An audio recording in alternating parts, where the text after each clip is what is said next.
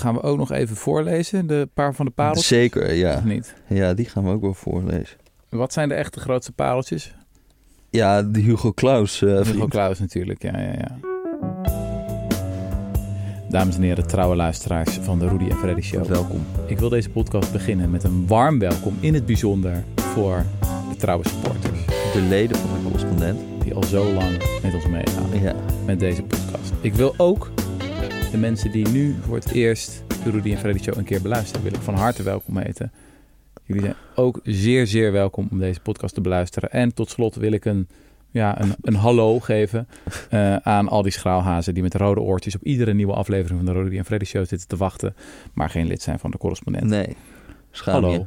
Ehm, meer heb ik niet te bieden. Nee. Ehm, Jesse, jongen, we moeten toch eventjes eh, beginnen met de wilde, wilde weken die jij achter de rug Ja, hebt. dat kan je wel zeggen. Ja. Ik heb jou zelden zo meegemaakt, dat zal ik eerlijk zeggen. Nou, ik heb jou ook zelden zo meegemaakt. Ja, Jij maar was, bij jou was was ook onder de indruk. Net iets extremer. Ja, dat was wel iets. Ik heb wel echt in mijn dagboek genoteerd, gewoon 29 november. Toen Ja. is er gewoon iets gebeurd. Dat was echt de dag dat het gebeurde. Ja, hè? dat was de dag dat het gebeurde, ja. De dag dat GPT-3 tot ons kwam. Ja. Nou, hoe het eigenlijk allemaal tot mij is gekomen is... Ik, ik, ik was sowieso al een beetje laat bij de les, geloof ik. Want dit bestond allemaal al best wel lang. Ja. Eh, maar ik was dus al de week ervoor was ik al de hele tijd met Dolly 2 aan het spelen. ja. En dat is ook heel leuk. Dat Ja. kan ik ook iedereen aanbevelen. Waar komt dat op neer? Ja, dan moet je gewoon een stukje tekst invoeren. Mhm. En dan begint hij gewoon plaatjes te maken. Ja. Dus We hebben het over artificiële intelligentie. artificiële intelligentie, ja, ja. Dus het is gewoon een website daar. Daar kan je ook gewoon, kan iedereen eh, ook gewoon heen. Ja. En dan moet je gewoon een stukje tekst in doen. En dan, eh, en dan krijg je dus gewoon, ja, dan gaat hij een beetje proberen te begrijpen wat jij bedoelde. Dus ik heb allemaal meesterwerken zitten maken van eh, Crying Parrot in a Jugendstil Hallway. Nou ja, dan krijg je inderdaad gewoon een, een, een jankende, een jankende papegaai in Ja. een Jugendstil gang. Ja. En, eh, En gewoon een kunstwerk dat nog nooit eerder is gemaakt. ja, Het is echt op dat moment wordt er iets nieuws gecreëerd. ja. En het ziet er echt goed uit. Ja, ja, ja, ja. Vooral die, al, die, al, die, al, die, al die stijlen doet hij echt best wel goed. Dus ik had op een, je moet een beetje uitvinden waar hij goed in is en waar hij niet goed in is. Want Mhm. sommige dingen lijken ook echt helemaal nergens op. Mhm. Maar bijvoorbeeld eh Sovjet-style propaganda, als je dat ergens achter zet, dan Ja. gaat hij super goed op. Past sowieso goed bij de Rudy en Freddy show. Ja, dat is heel mooi. Ja, ik heb echt, ik heb eh, bijvoorbeeld eh, June Sandworm in een Sovjet-style propaganda poster. Ja, dat was een fucking vette plaat. Maar ja? goed, het, is- het komt allemaal niet echt over als je het nu zo gewoon zo vertelt. Hè. Nee, nee, nee, nee, nee, nee. Maar in ieder geval, daar was ik al helemaal door van ondersteboven. En ik hier zat dat al aan iedereen te vertellen. Toen dacht ik in één keer, hé, hey, maar ik heb toch ook ooit eens gelezen over dat dat GPT-3 is. En dat ze dit ook hebben met tekst. Mhm. En toen ging ik eens even naar die website toe.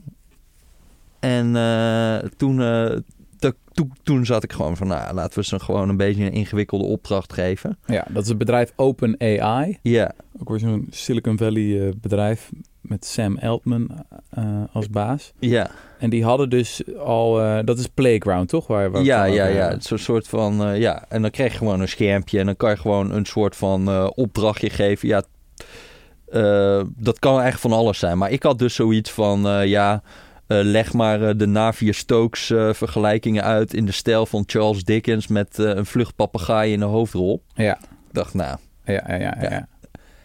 ja.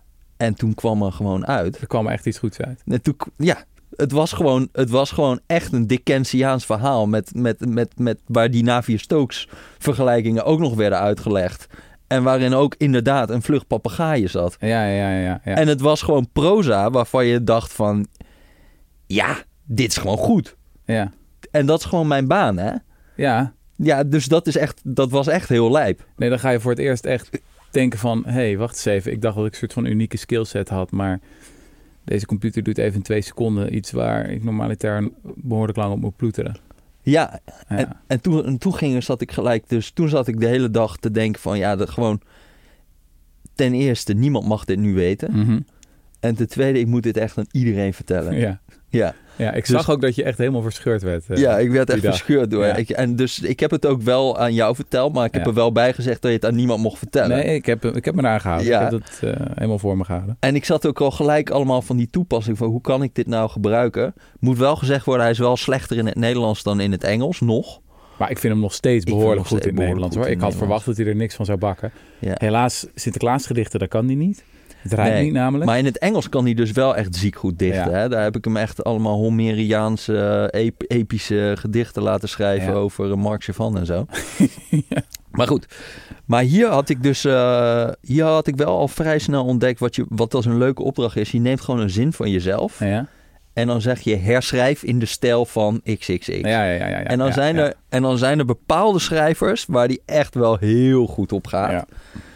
En eh, dat zijn over het algemeen wel Vlaamse schrijvers. Ja, daar ga jij vooral ook heel goed Ja, daar ga ik ook wel. Ja, ja. Maar dan krijg je, daar komen echt dingen uit die gewoon zo, zo extreem ver af liggen van hoe je het zelf zou Ja. opschrijven. Nou, vertel maar even, meteen even wie je favoriete schrijver was. ja, Hugo Claus. Hugo Claus. Ja, Hugo. Claus. Heb je ook veel van hem gelezen of niet? Ik heb nooit een letter van de man gelezen. Nee, maar hij moet op- hebben kunnen schrijven, dat weet ik wel. Hoe kwam je dan op Hugo Claus? Nou, gewoon googelen grote Nederlandse schrijvers. Ja. Of grote schrijvers in het Nederlands. Ja. En toen zag ik gewoon, eh, ja, dan W.F. Hermans en eh, Gerard Reef. W.F. Hermans gaat hij ook wel lekker op. Maar Harry Mulisch is niks, vind ik. Ja. Eh, maar eigenlijk al die Vlamingen, Louis Paul Boon, Hugo Claus, Dimitri Verhulst heeft hij ook al goed. Daar kwam ik laatst achter. Maar Hugo Claus is wel het meeste extreme. Dan zet je hem gewoon Hugo Claus, temperatuurtje 1. En dan gewoon, en dan gewoon ja, dan, dan, dan gaat hij helemaal los. Zal ik even het voorbeeldje delen waar we echt helemaal van onder de tafel lagen? Ja, toen zag ik jouw hoofd wel echt vertrekken van de egopijn. Gewoon Ja. toen dit eruit Ja, rolde. ja. ja. Oké, ik ben een essay aan het schrijven en dat gaat onder andere over een foto die in 1936 is genomen tijdens een bijeenkomst van eh nazi's en dat ze allemaal de Hitlergroet brengen, behalve één man. En dat, dat stuk gaat onder andere over van waarom deed die ene man dat nou niet. ja. En ik had twee zinnen geschreven. Ik zal eerst even die twee zinnen voorlezen die ik had geschreven. Het is, er is een beroemde foto uit 1936 van een Duitse havenarbeider die weigert om de Hitlergroet te brengen. Terwijl meer dan 100 mensen om hem heen hun arm uitstrekken voor de vurer, staat hij daar, onverstoorbaar, met zijn armen over elkaar. Heel mooi, sober, Brechtmaniaans proga. Ja, zo is het, ja. ja, ja, ja, ja. Nou, toen hadden we de computer gevraagd, herschrijf deze twee zinnen nou even in de stijl van... Hugo Claus. Ja, ja, jij gaat voor. ik ga hier even goed voor zitten. ja. Computer Klaus aan het woord. Het is een icoonbeeld. Een moment dat eeuwig stilzwijgt en vraagt naar antwoorden. Een man, een eenvoudige havenarbeider die weigert om toe te geven, om zich te buigen voor de duivel die men Vurer noemt. Een macht die alomtegenwoordig was en die, als hij kon, de wereld de vernieling in had geslagen. Maar deze arme havenarbeider keerde hem de rug toe. Hij stond er alleen voor, onwaarschijnlijk wijs en krachtig. Het is een oproep. Een oproep aan al diegenen die zich niet willen laten meeslepen, die niet willen buigen voor de wil van de meerderheid. Een oproep om te weigeren om de grimmige macht te knielen, om stand te houden tegen de duisternis die deze wereld dreigt te overspoelen. Het beeld blijft ons aanstaren.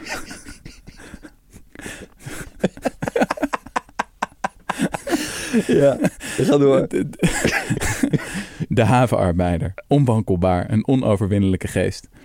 Het is onze roep om kracht en waardigheid, om hoop in de donkerste uren. Wauw. ik vind het ook heel mooi dat hij dus gewoon... Dat heb Het ik nog beeld niet... blijft ons aanstaren. Ja, het beeld blijft ons aanstaren. Ja, die is wel echt lekker.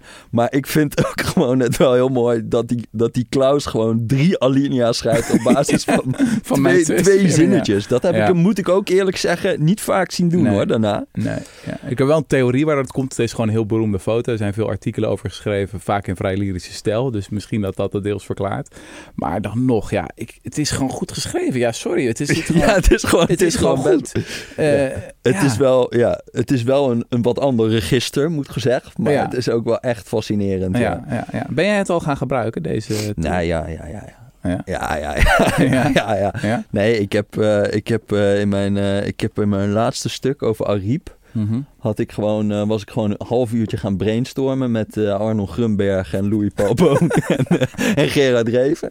En toen, toen, heb ik allemaal, toen heb ik allemaal politieke beeldspraak probeerde ik eruit te krijgen. Je moet even Ja. weten hoe je het een beetje gebruikt. Maar die kwamen toen met, ja heel vaak slaat het ook nergens op hè. Ja. Hij had iets van een gistend fust van politieke etterij. Nou, dat vond ik wel fraai, moet ik eerlijk zeggen. Ja. Maar ik wist niet helemaal wat dat was. Maar hij, had ook, hij kwam ook met een politieke krokodillenvijver. Ja. Die vond ik ook lekker. Ja, die is mooi. Ja, die is mooi, politieke. En ergens had hij echt een soort van zin die echt nergens over ging. Maar daarin stond alleen ook een stukje met politiek gejodel. Ja. Ja, die vond ik ook lekker. Ja. Politieke jodel. Dus die heb ik er allemaal, heb ik er allemaal eigenlijk gewoon ingezet. Die, ja, dat gisteren de fust, dat heeft de eindredactie niet gehaald. die had ik er wel ingezet, maar dat, wa- daar zeiden ze wel van, wordt wel erg veel beeldspraak nu. Ja, ja, ja, Toen zei ik, ja, ja. fair enough. Maar ik moet wel zeggen, ik zat wel... Eerst zat ik dus ook nog een hele tijd van... eh, want ik had nog geen slot voor dat stuk. Toen zat ik de hele tijd te kloten met dat, met dat ding... om daar een soort van stuk gewoon eh, te genereren. Mhm. Maar je moet hem wel echt inkaderen, want anders wordt het ziek middelmatig en een beetje saai en, en gewoon middle of the road shit. En uiteindelijk heb ik wel een halve dag daarin gezeten. Maar toen dacht ik van nee, ik ga het gewoon zelf schrijven. Ja. En, toen- en toen was dat toch wel aanzienlijk efficiënter. Ja. En ook veel leuker. Maar even over toepassingen. ja. Ehm, ik zat al meteen te denken van... oké, huiswerk is gewoon obsolet, is passé. Eh, ik vroeg hem van schrijf eens 800 woorden over de afschaffing van de slavenhandel. Nou, Ja. Ik vond het serieus goed. Als ik docent was geweest, zeker op een middelbare school... maar zie zelfs nog eerstejaars universiteit... ik denk dat het voldoende was geweest. Ja, ja, ja. Ehm, dus ja, ik kan me voorstellen dat dat echt een enorme verandering ja, er worden meer mondeling examens dan. Hè? ja, ja. Ehm, en kijk, wij bij de correspondent hebben natuurlijk hele hoge eisen aan de kwaliteit van het proza. Maar laten we wel zijn, heel veel proza wat we schrijven is natuurlijk niet zo heel erg, hoeft niet zo heel erg Nee. literair te zijn. Als je gewoon, weet ik veel, een of andere blogger bent, een stofzuigerverkoper of zo, en je wil een keer een blogje op je website, ja, dan kan ik me voorstellen dat ChatGPT een betere tekst gaat leveren dan, dan jij doet. En- Nou, ik had ook een uitstekende promotekst voor, jou, eh, voor jouw boek weten te maken in de stijl van Marcel Proest. Nou, nou, voilà. Dus Een beetje aan de lange Ja, kant. een beetje aan de lange Ja, ja, kant, Ja, ja, Eh, ik had hem ook even gevraagd om een eh, verhaal te schrijven. Dus misschien ook nog wel leuk om even voor, Ja, voor ja. te lezen. Ik had de computer gevraagd: vertel eens een verhaal over de Nijmeegse schrijver Freddy.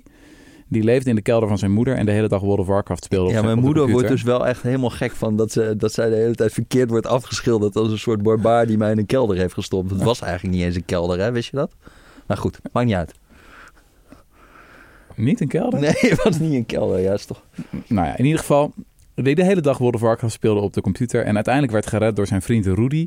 Die hem een baan. eh, of die een baan voor hem regelde bij de correspondent. Ja. Oké, dat verhaal wil ik horen.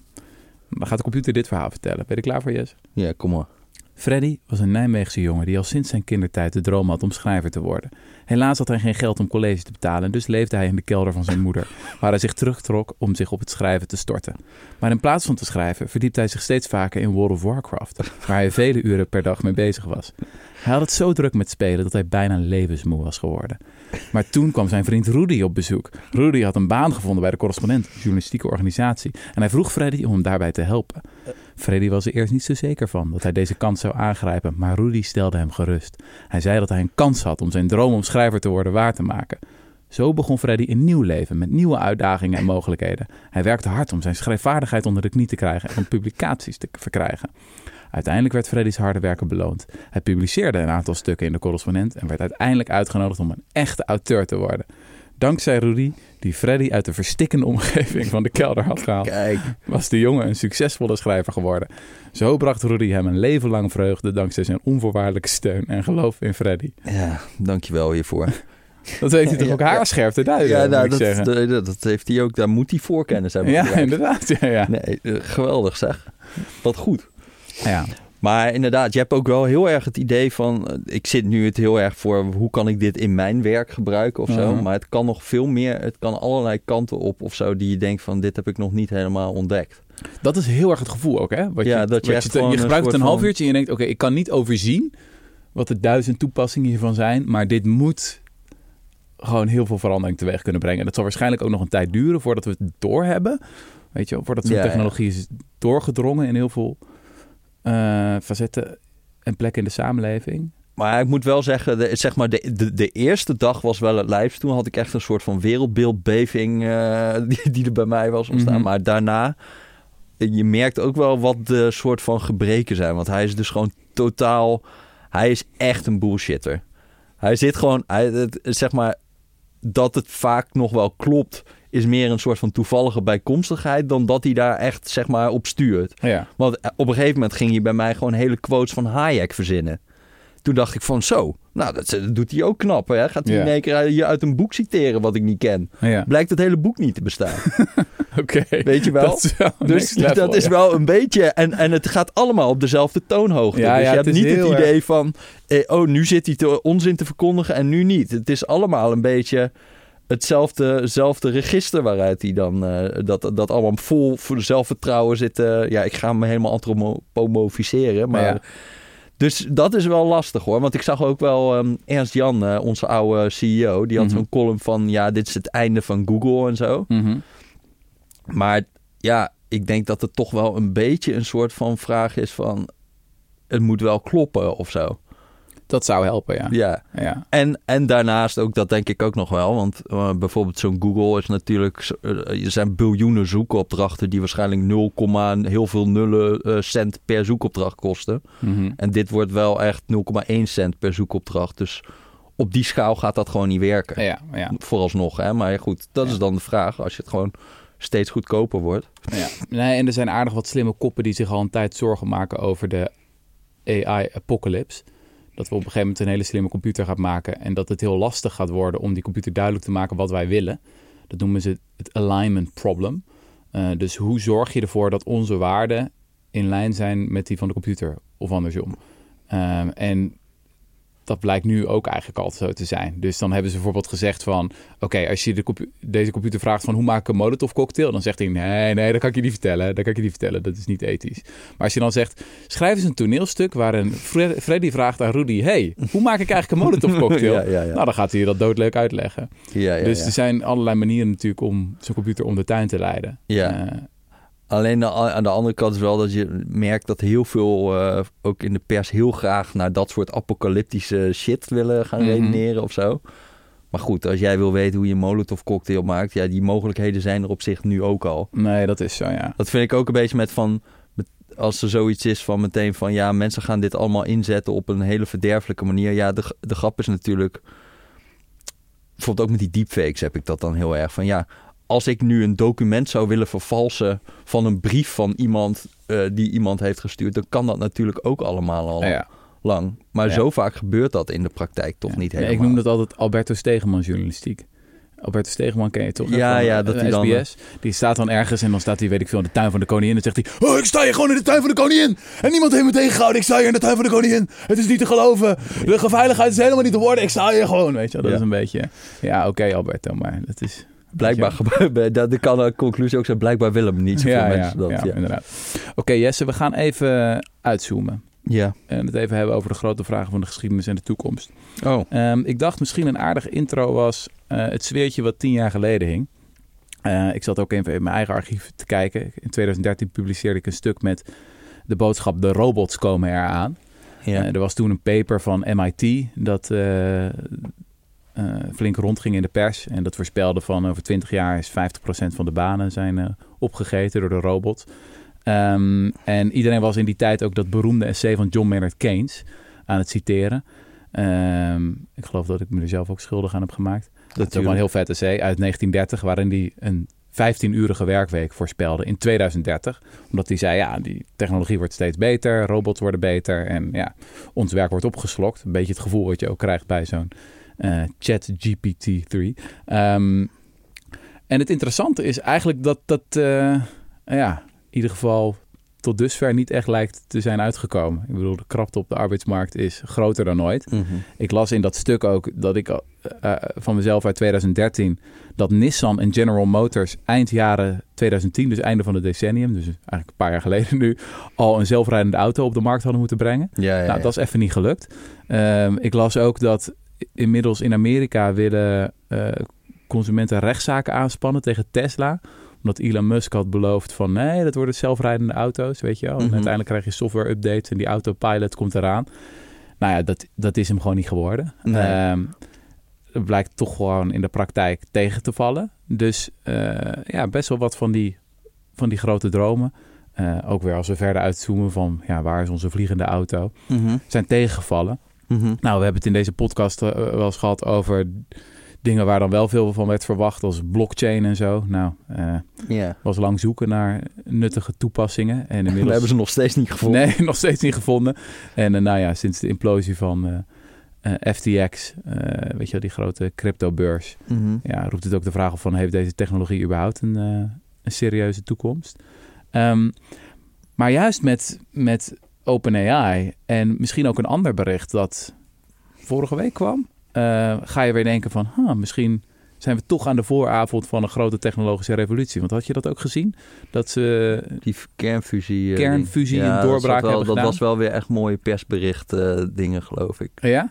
Ja, dat, dat, dat er gewoon wel creatief werd geboekhoud en dat het soort van netto energie zou opleveren. Ja, Maar daar waren ze even vergeten dat die laser zelf ook ongeveer duizend keer meer energie kostte dan dat hij het uiteindelijk opleverde. Maar Ja, goed, ja. dus Maar even ter duiding, kernfusie is al heel lang een, een technologie waarvan wordt gezegd van als dat ooit gaat lukken, ja, dan heb je onbeperkt, praktisch gratis, schone energie. mhm.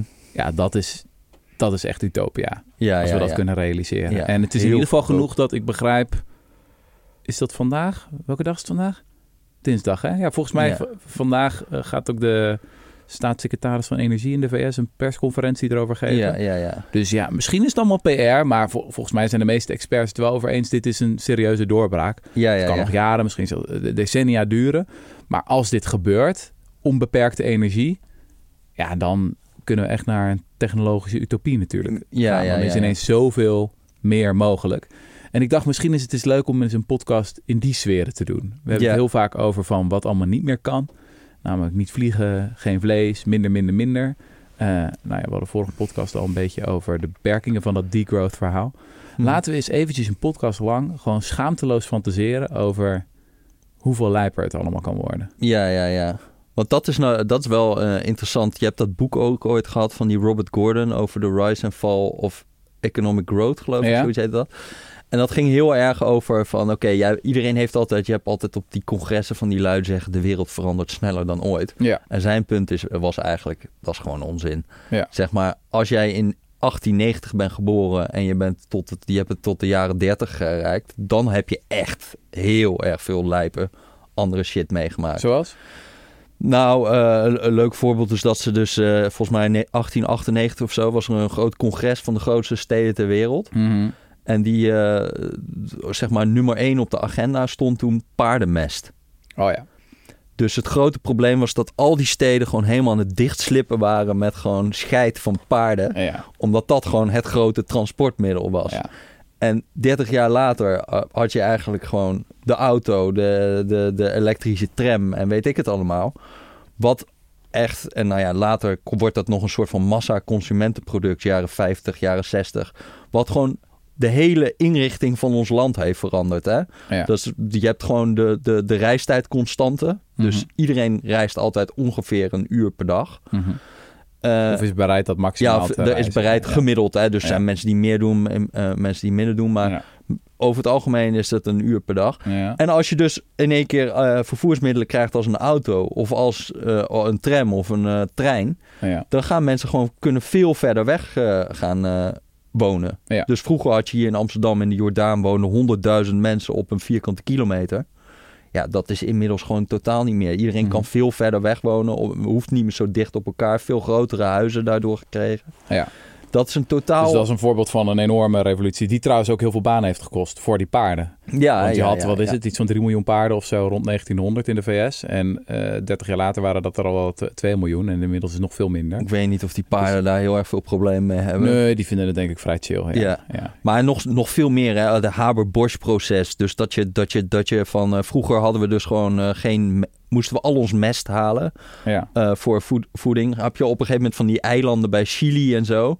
waar je allemaal guano had. Dus gewoon eh, eh, vogelpoep. ja. Gewoon eilanden vol met vogelpoep... die dan werden afge... als soort van mijnbouwoperatie... werd al die poep dan weer naar Europa verscheept... om daar dan gewoon te gebruiken in de voedselproductie. Mhm. Maar dus er was geen manier om kunstmest te maken. En dat is toen verzonnen. Waardoor, ja, er zijn nu van die schattingen dat bijna de helft van de wereldbevolking gewoon niet had kunnen bestaan. Waren het niet voor kunstmest. Ongelooflijk hè? Ja, dus Ja. miljarden mensen die, die er extra zijn omdat wij dat Haber-Bosch-proces hebben. Ook gewoon een totaal fascinerend verhaal. Die, want die Frits Haber, die heeft dus, had dat ook gedaan omdat je volgens mij ammonia heb je ook nodig voor munitie en zo. Ja. Saltpeter of zo. Ja, ik weet niet zo goed hoe dat zit. Maar en, en, en eh, riolering. riolering. enorme toename van hygiëne natuurlijk, waardoor de levensverwachting fors is omhoog gegaan. Ja, Dat is ook maar altijd makkelijk om te vergeten dat, ja, dat het feit dat mensen veel ouder worden, heeft vooral te maken met veel betere hygiëne. En antibiotica trouwens ook. Ja, antibiotica is wel iets later trouwens. Ja, maar dat is dus ook bijvoorbeeld wat zei dat punt van die Robert Gordon in dat boek is ook heel erg van oké, als je van jaar op jaar kijkt en je neemt BBP als maatstaf, Mhm. en gewoon dan zegt het echt wel iets over hoeveel materiële standaarden vooruit gaan. Mhm. Maar als je kijkt over een periode van 200 jaar, dan mis je echt kwalitatieve verschillen in wat het is om, zeg maar, eh, Nathan de Rothschild, hè, dus de, de, de, de rijkste man ter wereld, ging Mhm. geloof ik in 1836 gewoon dood aan een domme ba- bacteriële infectie. Ja. Die waar je nu gewoon met een antibiotica kuurtje van 5 eurocent bij wijze van spreken zou kunnen oplossen. Ja. Dat is natuurlijk een, heel, een totaal andere wereld waar je dan op een gegeven moment in terecht komt. Dat is toch wel elke keer als je gaat verdiepen in de levensstandaard van mensen rond 1800, elke keer verbijsterend van ja, hoe, hoe ellendig het leven gewoon was. Ja, Ehm, ja, hoe diep de armoede, hoe zwaar de gezondheidsproblemen waar mensen mee worstelden. Dat als je eenmaal ziek werd, dat het gewoon vaak einde verhaal was. ja, ja, ja, ja. Ja, Ja, en, dus, en, en ook, ook gewoon zeg maar de stapjes die wij dan zetten van wat hebben wij tijdens ons leven meegemaakt van we gingen van de fax naar de e-mail. Mhm. Nou, stuk beter. Hè? Heb je al niet die teringherrie van dat faxapparaat en zo, Mhm. hoewel dat ook wel een charme heeft. Maar de sta- stap in snelheid van communicatie die daarmee is gezet, stelt gewoon niks voor met, vergeleken met bijvoorbeeld. eh, eh, je hebt een heel grappig voorbeeld dat ze nog eh, de Britten en de Amerikanen nog de slag bij New Orleans hebben gevochten in 1815. Wat wel Mhm. echt binnen het genre een van de meest idiote veldslagen was. Want de vrede was al twee weken eerder getekend. Oh. Alleen dat bericht had, was nog even niet terechtgekomen in New. Orleans. En het zou dan nog 30 jaar duren voordat je echt intercontinentale eh, telegrammen kreeg. Aha, Waardoor eigenlijk de tijd waarin zo'n bericht kwam van weken naar minuten ging. ja. Wat gewoon natuurlijk een veel grotere stap is dan dat wij nu van eh, een minuutje naar een seconde gaan. Of zo. ja, precies. Ja, ja, ja. Ja, dus dat is, dat is eh, dat, dat, de, zeg maar de, de, de, de echt het grote laaghangende fruit is Ja. toen heel erg geplukt. Nee, dus je had mensen als Robert Gordon, die economisch historicus. Maar je hebt ook mensen gehad als Peter Thiel, weet je, een van Ja. de oprichters van PayPal. Samen met eh, Elon Musk trouwens. Een beetje een eng figuur trouwens, die eh Thiel verder. Zit in Ja. eh, vrij extreemrechtse kringen. Ehm, maar zegt af en toe ook hele verstandige dingen. Hij heeft toch een geweldig boek geschreven trouwens. Dat boekje Zero to One. Vond ik echt een super vet boek. Over eh, hoe hij eh, kijkt naar het opzetten van een start-up. Kunnen activisten ook veel van leren Je trouwens. moet, je maar moet dat, weten dat ik zit nu tegenover Rutger en hij draagt ook een turtleneck. hè. Ja, ja, dus ja, hij, is, hij ziet er eigenlijk wel heel erg start-up uit. Speciaal voor de deze Ja. technologie podcast. Eh, maar ehm, van hem is de beroemde uitspraak... We wilden vliegende auto's, maar we kregen 140 tekens. ja. Ja. Ehm, het valt een beetje tegen. Iemand die trouwens hetzelfde punt maakte in de tijd was David Graeber, de onlangs overleden antropoloog. Mhm. Eh, hij heeft eens zo'n essay geschreven waarin hij een vergelijking maakt tussen de ehm, Star Wars films nu en de Star Wars films toen. En dan zegt hij van ja, in de jaren 70 hadden we die Star Wars films en je kijkt ze nu terug en ja, eh, die special effects zijn echt om te huilen. Ziet er niet uit. Mhm. Ja, dan kijk je nu die Star Wars films en denk je, wow, geweldig. Dat is zoveel beter geworden. En dan denk je nog iets langer na en dan denk je, huh, maar wacht eens even. We hadden dit echt moeten doen. Weet je wel? Het is niet dat we alleen beter hadden moeten worden in het simuleren van naar Mhm. Mars gaan.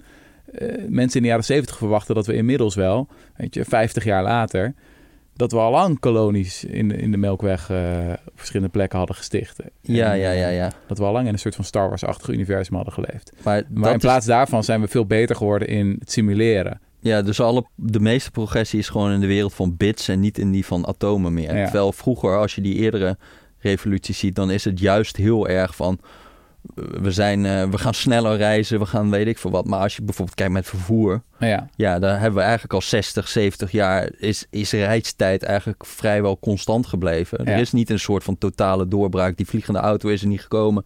De, ook in vliegtuigvaart. De Concorde was in de jaren 60, 70 geloof ik. Dus dat we echt supersonische vliegtuigen hebben, dat is gewoon gestopt. Die zijn, we zijn eigenlijk langzamer gaan vliegen. ja. Uh, en, en, en daar zit denk ik wel iets soort van onder. Je hebt echt een, uh, dat is een boek wat echt onze luisteraars helemaal gaan haten. Mm -hmm. Dat is uh, Where is My Flying Car van uh -huh. J. Stors Hall. Ja. En dat is een soort ingenieur, maar ook wel echt volgens mij een wap. Ja. Ik kijk, ik kan niet alles beoordelen. Het ziet er gewichtig uit. Mm -hmm. Maar volgens mij is het een wap. Mm -hmm. Maar dat is, die zit zeg maar op het spectrum van The Wizard en The Prophet. Hè? Dus ben je helemaal van techno-fixes... Uh, of ben je van bang dat we eigenlijk onze hand overspelen en dat we de mensheid overmoedig is? Mm -hmm. Hij zit helemaal op het spectrum van alles technofix. En dat gaat extreem ver wat daar allemaal Ja. in, in, in wordt geschreven. Maar ja, die geeft eigenlijk... Het is wel een interessant uh, these van... Ja, we zijn eigenlijk... Je zie je in de jaren zeventig dat we eerst zitten we op een soort van exponentiële lijn van energieconsumptie. Dus we zijn steeds meer energie aan het consumeren per Aha. inwoner. Maar dan in één keer vlakt het af. Dus we hebben eigenlijk niet de volgende stap gemaakt in uh, uh, het, gebruiken van energie. Terwijl als je echt hele lijpe uh, shit wil als vliegende auto's en weet ik het allemaal...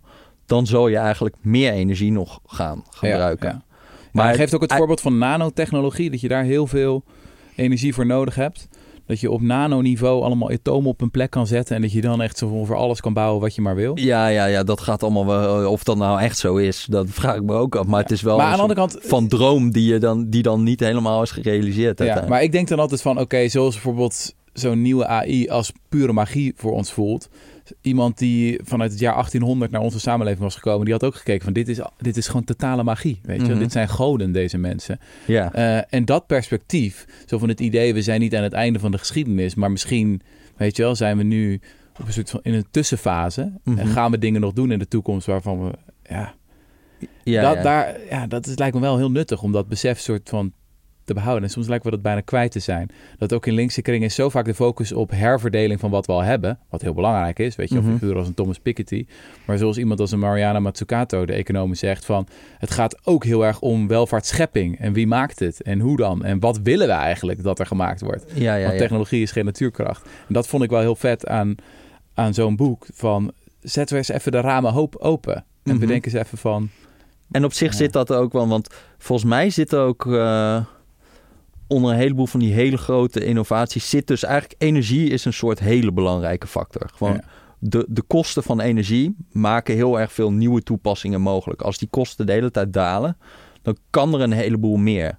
Sommige dingen zijn gewoon te duur nu, nu nog om te doen, omdat energie gewoon ook volgens mij al jarenlang gewoon hetzelfde kost. Ja. Je hebt niet een soort van orders of magnitude daling in die energiekosten. Zoals, zoals je dus... Wij hadden eerst gewoon in de gouden eeuw turf steken, weet je wel. Dan gaan we dat verbranden. Dan kregen we kolen. Toen kregen we olie. Toen kregen we gas. Toen kregen we nucleair. Dat is eigenlijk voortijdig afgebroken. Dus daar zijn we niet helemaal op doorgaan. En nu zijn we, krijgen we hernieuwbare energiebronnen. Ja. Maar het zou kunnen dat je gewoon uh, ook met die, ook als je ziet wat zonne-energie nu langzaamaan gaat kosten, een zonnepaneel, Mm -hmm.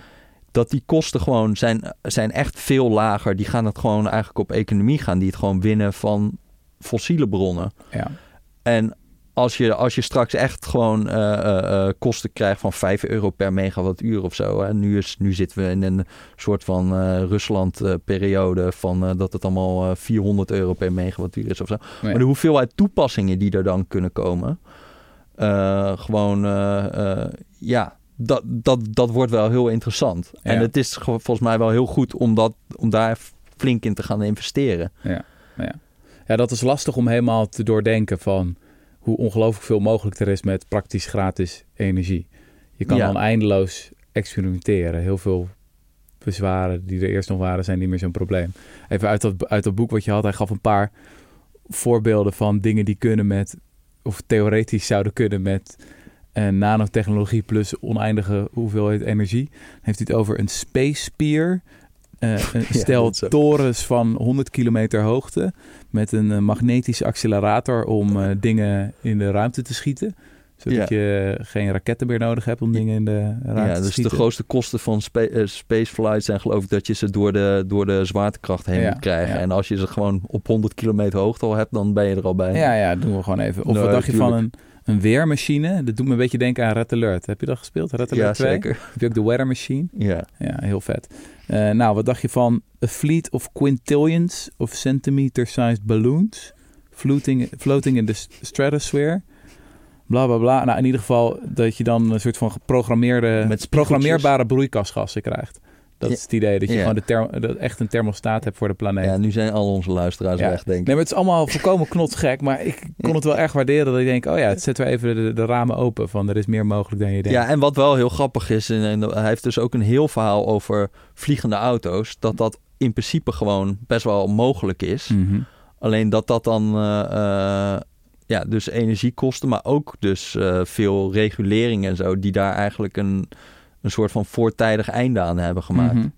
Dat het echt gewoon extreem moeilijk is om nu nog iets nieuws gewoon te gaan Ja, beginnen in, ja. die, zin- in die zin. Wat vind je van die culturele verklaring die vaak wordt genoemd? Dus dan heb je ook mensen als een Peter Thiel zeggen dat vaak ook. David Graeber zegt het op zijn eigen manier weer. Maar dat er gewoon ontzettend veel mensen hun talent aan het verspillen zijn. Bijvoorbeeld dat het aantal advocaten per hoofd van de bevolking is geëxplodeerd. Dat heel veel talent naar de financiële sector is gegaan. Waar natuurlijk geen fundamentele innovaties...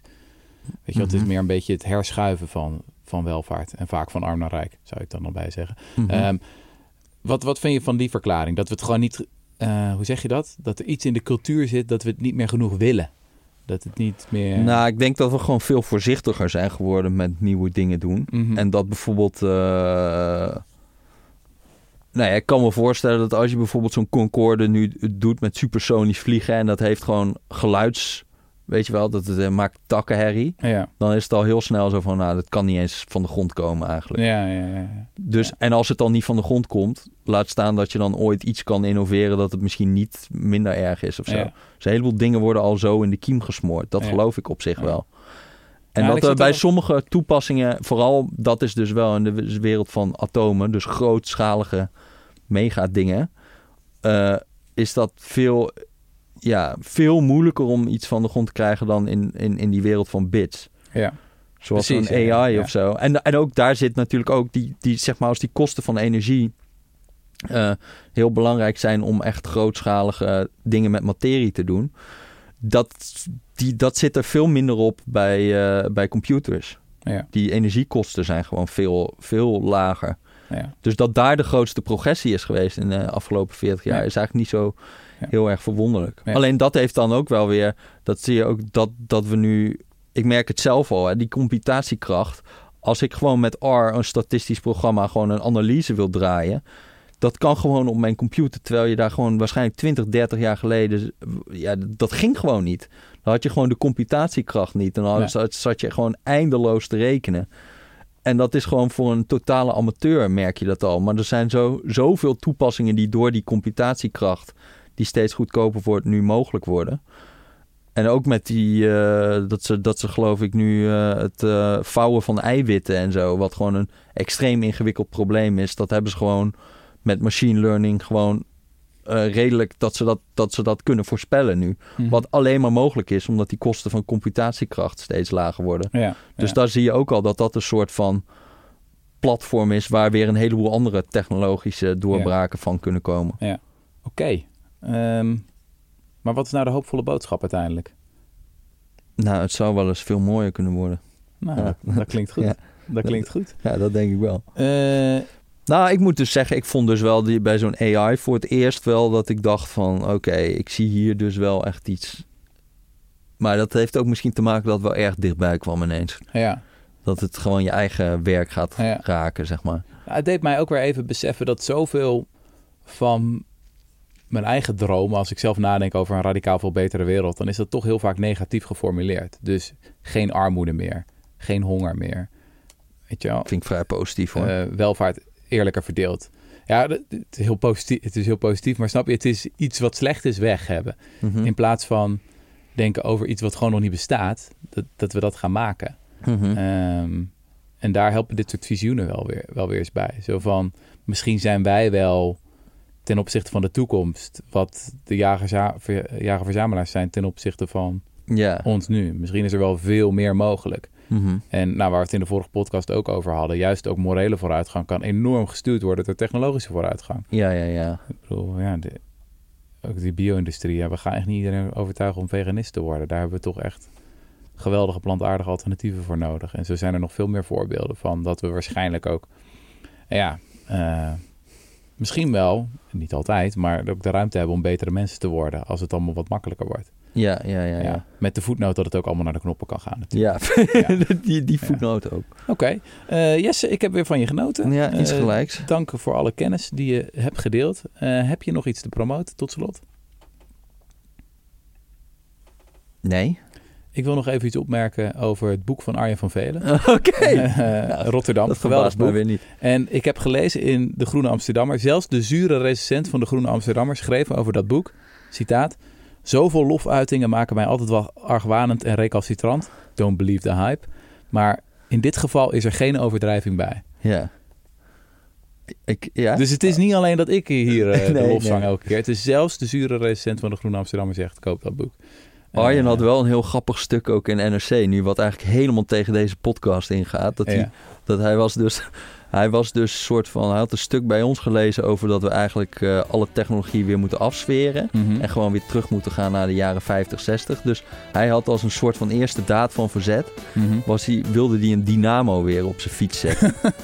Ja. En hij had die dynamo gekocht en het was hem allemaal niet gelukt. En het was allemaal gedoe. En toen uiteindelijk had hij ook zijn, zijn buurman aangesproken... die volgens mij fietsenmaker was of zo. Die zei van, waar slaat dit op? dit is, het is niet eens duurzaam, want het zorgt voor veel meer verslijtage van je band. Dus het was een totale Don Quixote operatie Ja. geweest. Dat vond ik erg grappig. Geweldig. Nou ja, ik weet niet waarom dit... Ik vind het een goed verhaal. Ja, Oké, tot de volgende houd keer. bij die ledlamp. Dat is eigenlijk Wanneer zijn we er weer trouwens? Volgend jaar pas weer, denk ik. Ja, oh ja, prettige kerst. Ja, insgelijks.